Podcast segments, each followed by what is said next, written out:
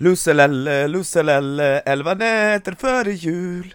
Lusselelle, lusselelle, elva nätter före jul. Nu är och vidkomna, na na na na na na na Jag sjunger julsånger för att Sköldström skrev i gruppen att Hans öron höll på att förblöda Efter att han hade hört mitt intro förra veckan. Men det är inte Sköldström som bestämmer vad jag ska sjunga. Och det är inte Sköldström som bestämmer om jag ska sjunga. Det är jag som bestämmer. Och, och om jag känner att Sköldström stör sig på det, då kommer jag bara göra det ännu mer. Det blir julsånger året runt baby. Nej jag skojar. Jag bara skojar, hej och välkomna till Nixörna. Ännu ett avsnitt av uh, den enda podden i hela världen där du är garanterad en vecka per... en vecka per... Ett avsnitt per vecka resten av ditt liv. Enda podden i världen. Enda podden i världen som är helt spontan och inte klipps och det är ju liksom så rått och spontant som det kan vara. Och uh, ja, ja den enda podden där, eh, jag vet inte. Finns det något mer som det här är den enda podden? Kanske inte. Who cares? Vi, alltså så här är det, jag tänkte typ köra något sam någon sammanfattning av basketåret 2023 Men det är så svårt, alltså det är så svårt att sammanställa och, och försöka komma på allting som har hänt. Så det, det kommer jag lämna eller det kommer jag göra lite senare i detta avsnitt, jag kommer börja med något annat.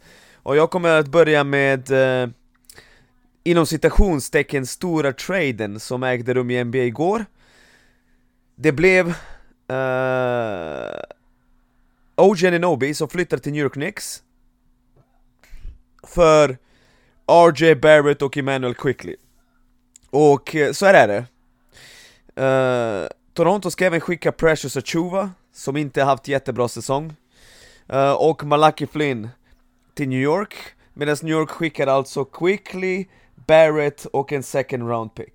Så är det. Alltså, OG Ananobi, jag har alltid tyckt att han är överskattad.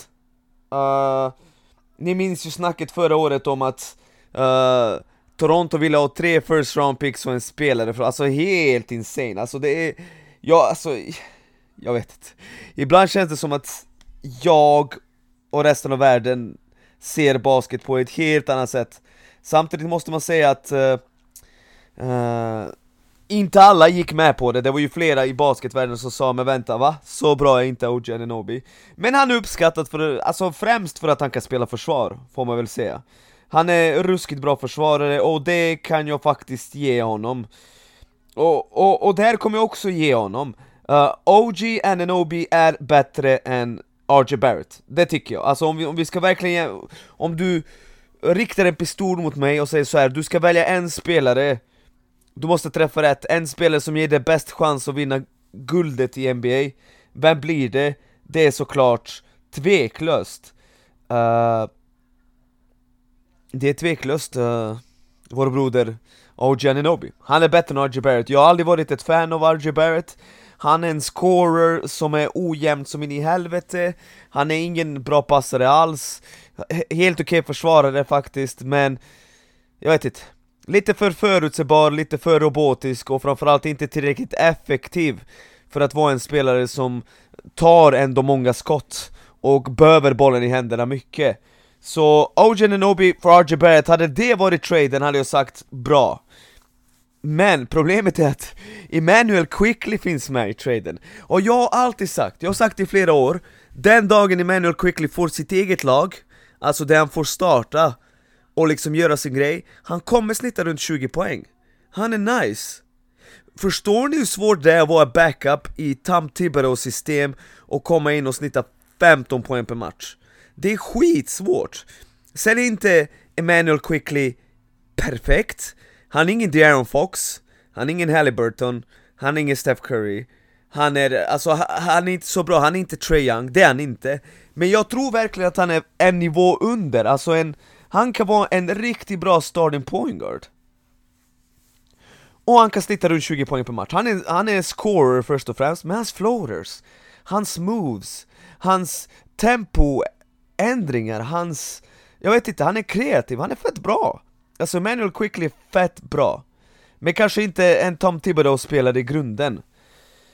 Uh, Hans kontrakt går ut Men det gör även OG Aninobis, jag vet inte, jag, jag köper bara inte den här traden. Jag tyckte att den här traden var katastrofal först. Sen hörde jag att uh, New York fick också Precious Achuva i alla fall, alltså då, då blir det lite lättare att smälta, men det är fortfarande Toronto som är vinnaren här, 100% De får hem en grabb som har växt upp i området, och så får de Emmanuel Quickly för fan! Det... De, de hade ingen långsiktig PG till att börja med, Dennis Schröder, han är jävligt bra i FIBA-matcher men han är, jag tror han är 93, han är 30 bast. Han är inte framtiden. Emmanuel Quick, Quickly är 24 Han är precis på väg att äntra sin prime. Och jag köper inte det här traden, den där traden kommer inte att göra New York Knicks till en contender.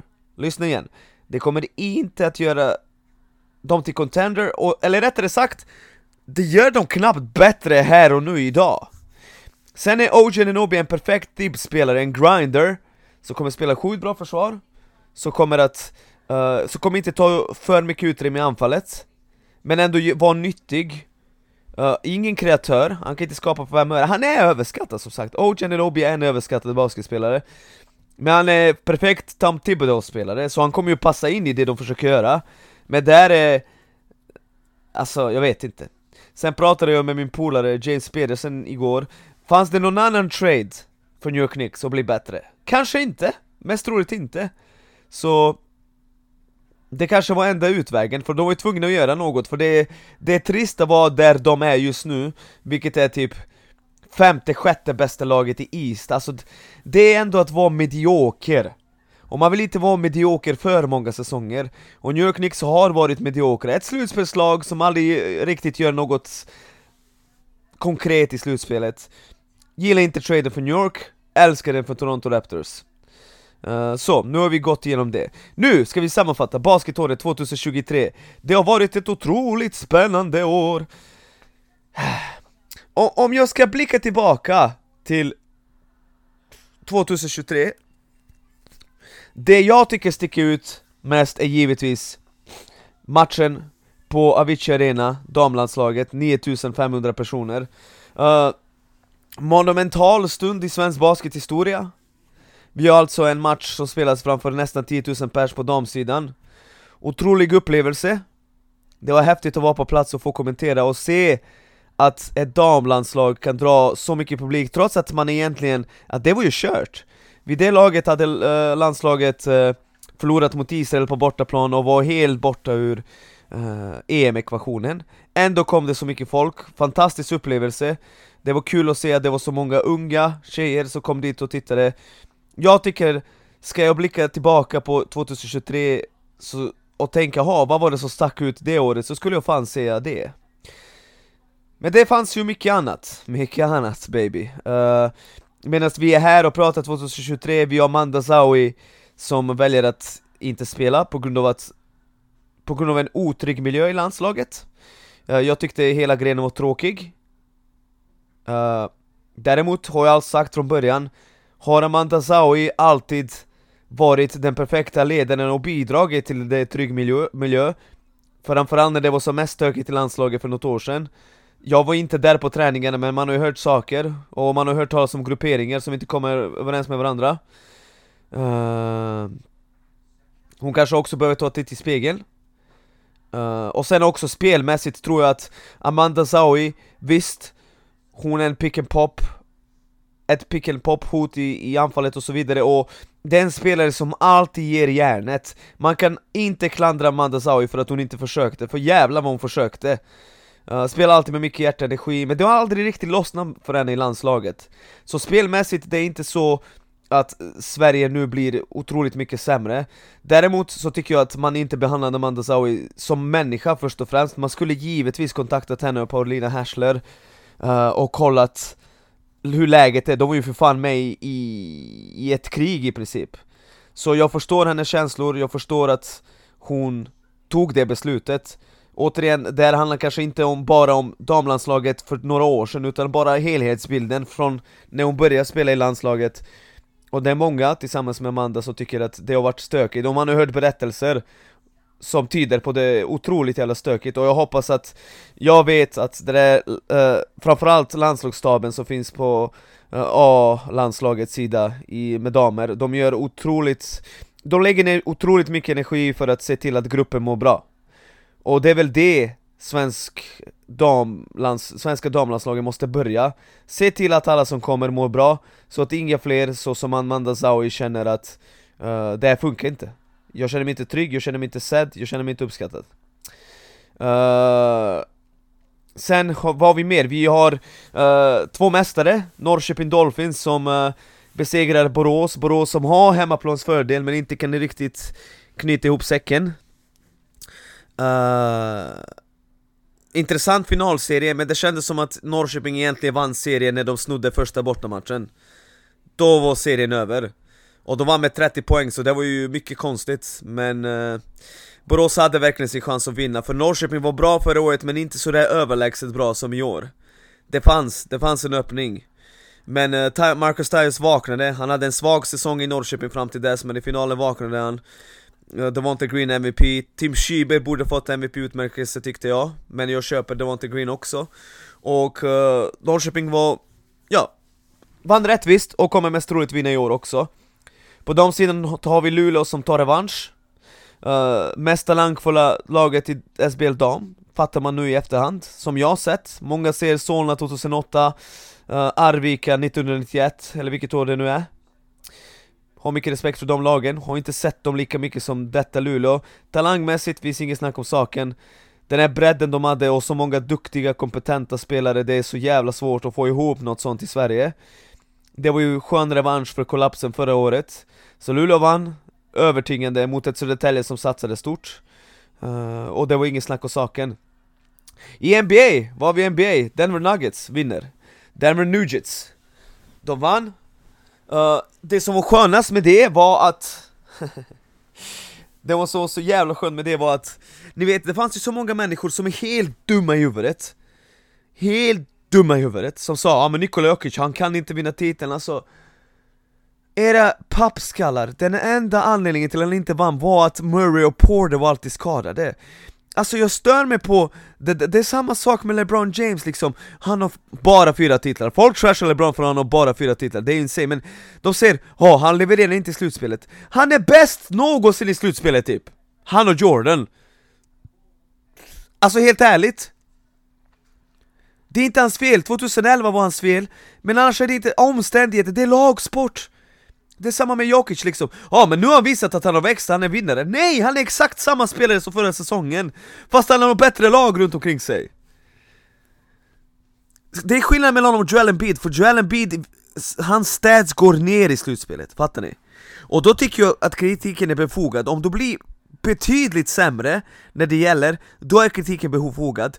Om du blir betydligt bättre i slutspelet, då spelar det ingen roll om du har vunnit titel eller inte.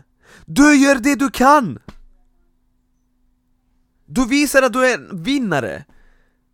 Ibland räcker det inte till för att du inte är tillräckligt bra lag runt omkring dig. Jesus Christ, det är frustrerande alltså. It's frustrating. Men det var kul att de vann och nu ser alla, ja men han är ju mästare och han är världens bästa spelare. Alltså han är samma dude. Han är exakt samma, Nikola Jokic var exakt samma dude i juni när de vann, så som han var i januari det var exakt samma spelare, han har inte lärt sig något nytt, han har inte utvecklats drastiskt. Det var ju bara så att Murray och Porter var friska.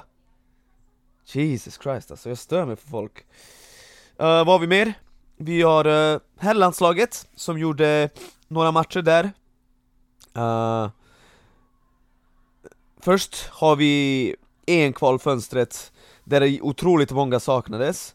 Uh, Förlust borta mot Tyskland, uh, seger hemma i Malmö, nej förlust, förlust där också. Uh, VM-kvalet var redan över, man, man valde att vila de viktigaste spelarna. Förståeligt på ett sätt.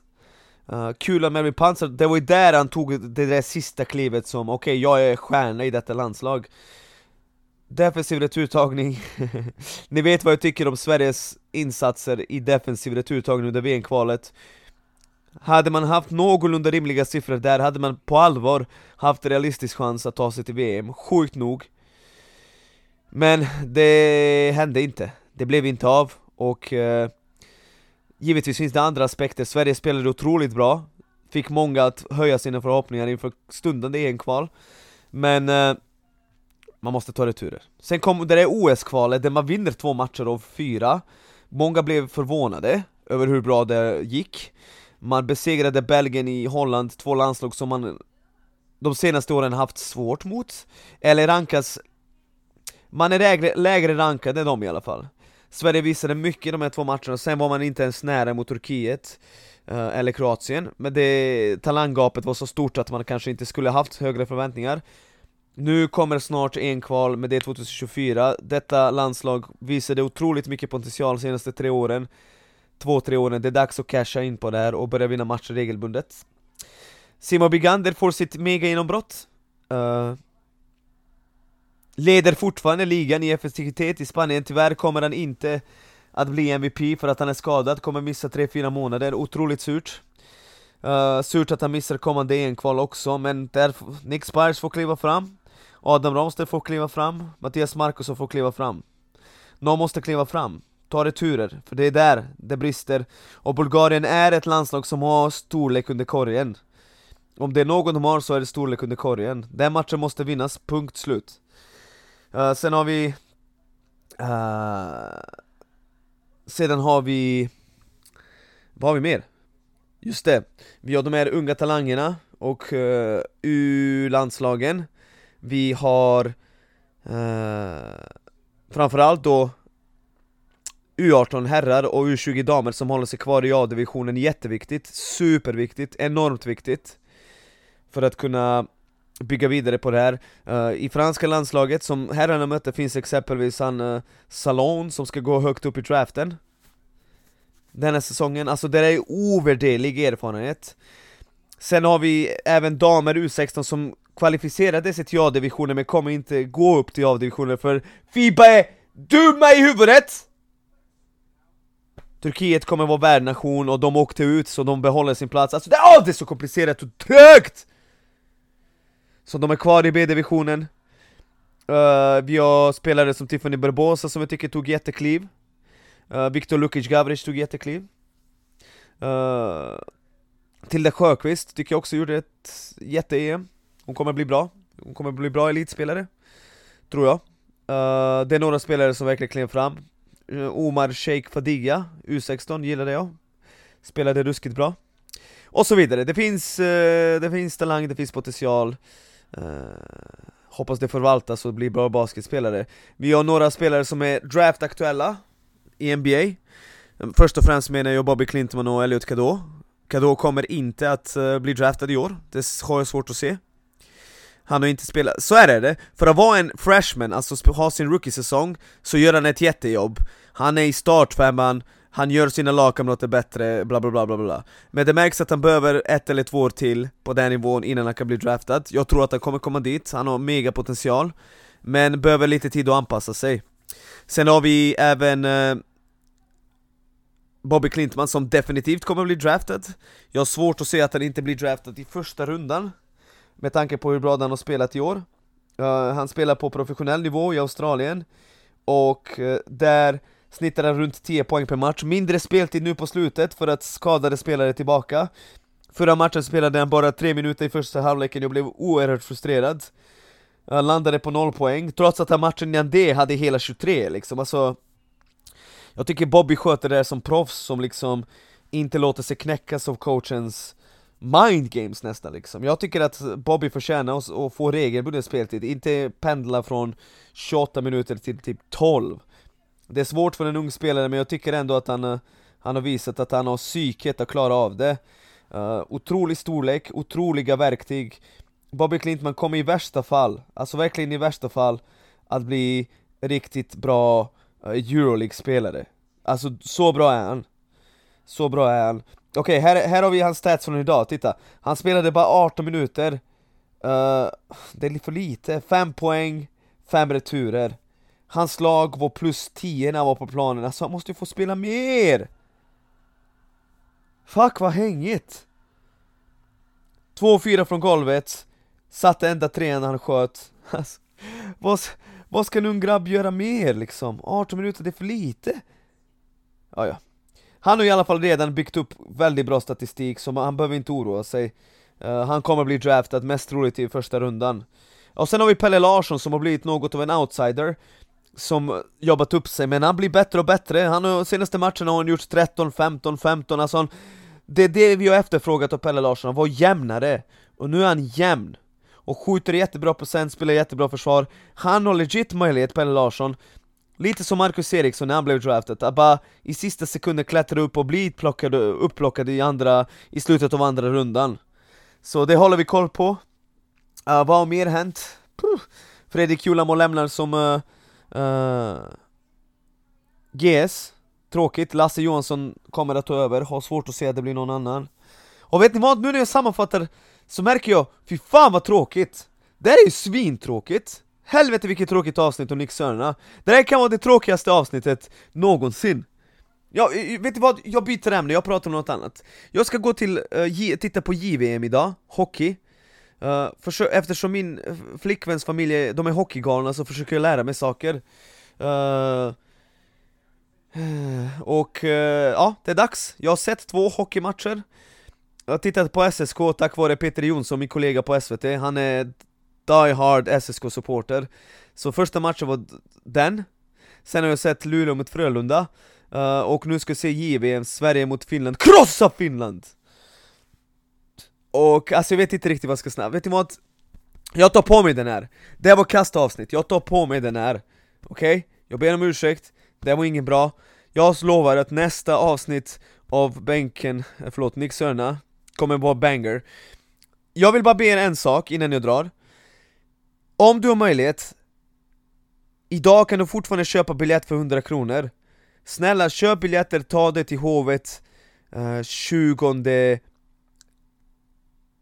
januari. För då kan du eh, se cupfinalerna, se dunktävling, trepoängstävling men även titta på eh, vår första livepodd, Bänkvärmaren. Vi kommer livepodd klockan 6 på Hovet. Det skulle betyda så otroligt mycket att ni som lyssnar, om ni kan ta er dit och lyssna. Kom, Vi kommer att Uh, snacka ungefär en timme, ungefär en timme, men givetvis kommer vi sen lägga tid på att prata med er som är på plats. Lära känna er, för utan er så skulle vi inte uh, ens göra detta. Uh, Ni kan köpa vår merch. Ni kan hitta länken på bänk Bänkvärmarnas instagram-sida. Och ännu en gång, jag ber om ursäkt för det sämsta avsnittet jag någonsin spelat in. Alltså det... Vadå sammanfattning? Nu vet jag, jag ska inte göra några sådana här sammanfattningar, fy fan vad tråkigt! Jag uttråkade mig själv jag ber om ursäkt, uh, så vi hörs nästa vecka, gott nytt år allesammans, och glöm inte, Benke ljuger aldrig. Uh, Förlåt, jag ber om ursäkt, I apologize. What? Jag ber om ursäkt. För kast avsnittet är det kast avsnitt. Riktigt dåligt avsnitt.